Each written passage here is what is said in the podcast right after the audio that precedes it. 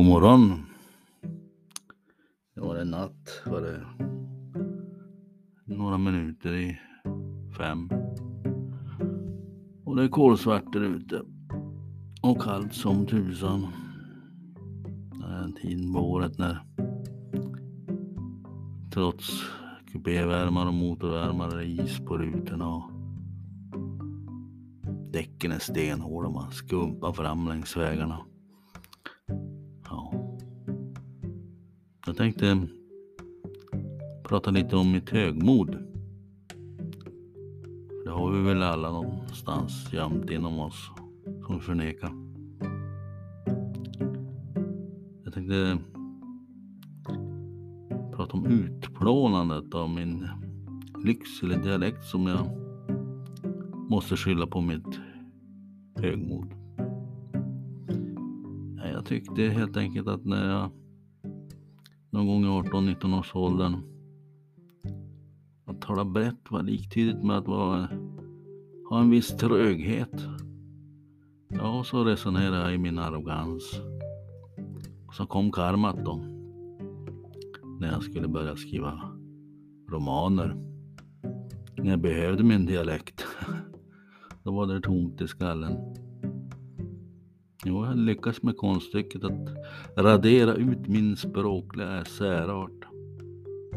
Och dumdrygt hade jag inbillat mig att, ja, att prata fint, det var ett mer sofistikerat intryck. Jodå, det var man inte för mer än bonlurka. Ja, fast det, det var inte bara mitt högmod som gjorde att dialekten försvenskades. Det är ju så att eh, den gör det automatiskt också. Så när ungdomarna flyttar söderut för att skaffa sig gåven. Då äh, ligger det i människans drift att liksom tillhöra en flock. Ja, man anpassar sig socialt till den geografiska plats man har hamnat på. Ja, hamnar man till i Göteborg så byter man inte bara språk. Efter ett par år så låter allihop som Glenn Hussein. Och när de återvänder hemöver så, så plågar de livet ur grannfolket med sina platta historier om Kolle och Ada. Ja. Men de här dialekterna här uppe i norr, de är ju inte statiska. De är som alla andra språk. Föränderliga. Däremot är det på det viset att eh,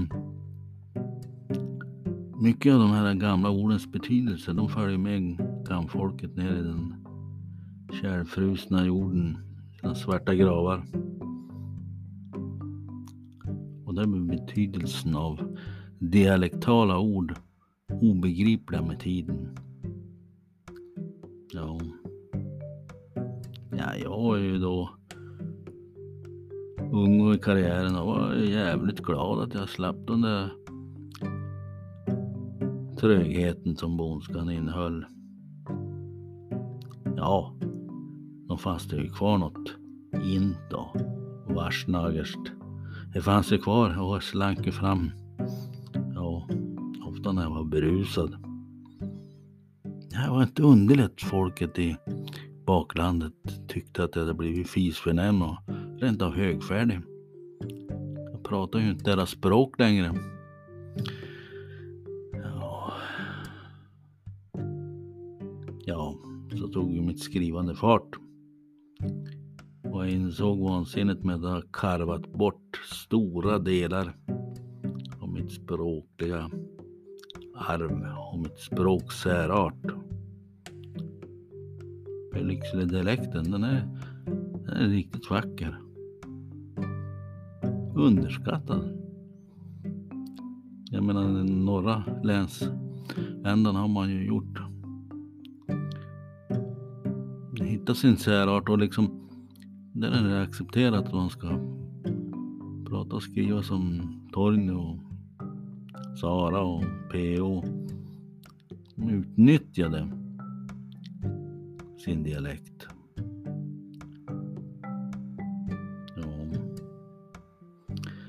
Det är inte roligt, det var högmodet mitt. Så då jag fick eh, använda x antal år för att hitta tillbaks. Och börja lyssna på de som pratade. Lyckselemålet. Jag skrev ner en del vackerord och bevarade dem.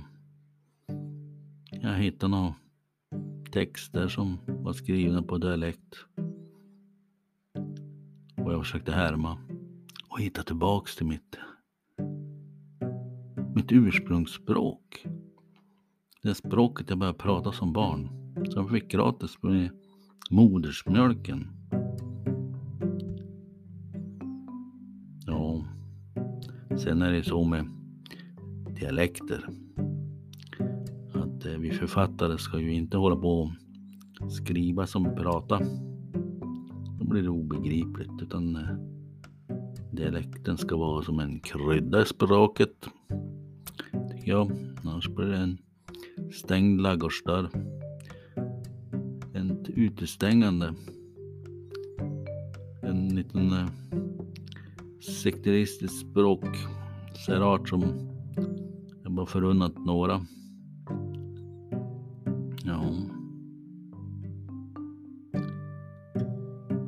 När jag skrev Esterboken här som älskade Ester, min senaste roman som så började jag med att välja ut ett hundratal vackra ord, vackerorda. Och så har jag liksom petat in dem lite här och var. Det blev riktigt bra.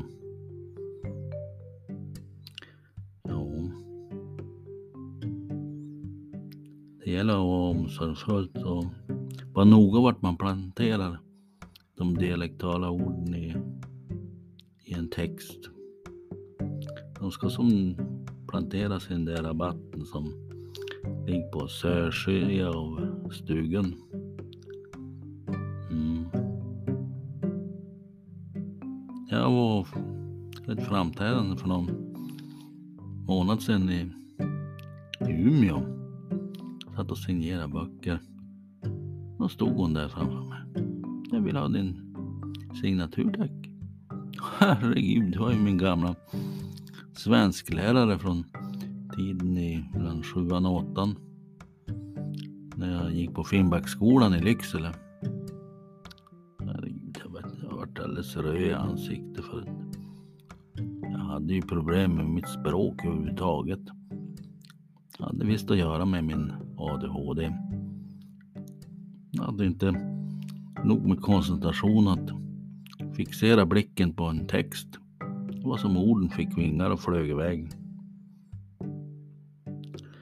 Ja. Jag sa liksom lite skamset, ja, jag var nog en besvärlig elev. Nej, det var du väl inte. Ja, jag hade ju en hel del problem med språket. Ja, men det, det löste du ju. Jag fick stödundervisning under årskurs sju. En frodig kvinna i blommig klänning som tre, fyra timmar i veckan lärde mig om allt om språkets byggstenar. Det här med adjektiv och verb och vad det nu kallas. Ja, och hon gjorde mig verkligen förvånad när hon sa att någon gång under årskurs sju hade jag ställt mig upp och bett om orden. Ja, jag ville säga något. Och jag hade tydligen hållit ett väldans brandtal för dialektens bevarande. Och jag krävde att man både skulle få skriva på dialekt och prata dialekt även på svensklektionerna. Och jag hade fått applåder. Och detta minns jag ingenting. Kanske drog hon en skröna för mig. Uppmuntra mig, få mig att tänka efter. Ja, hade jag hållit brandtal eller inte? När jag signerade, sträckte fram boken. Och så var hon borta. Jag var inte säker på att hon ens hade funnits. Det var en, en drömsk minnesbild som skulle påminna mig om mitt högmod som jag en gång gått omkring med och förträngt min dialekt. Ja. Modet att vara en alta älgest. Kallas väl så den här podcasten. Modet att vara annorlunda. Och att eh, ta hand om de som är annorlunda. För att vara annorlunda är ju inte att liktydigt med att man är sämre på något sätt. Nej då. Och när jag lyssnar på mina inspelningar så hör jag ju tydligt att jag har återfått delar av Lyckselemålet i mitt tal. Ja, cirkeln den sluts ju oftast. Även i det här fallet. Trots mina dumdristiga idéer. Ja, jag var någon alta karot på den tiden. Fast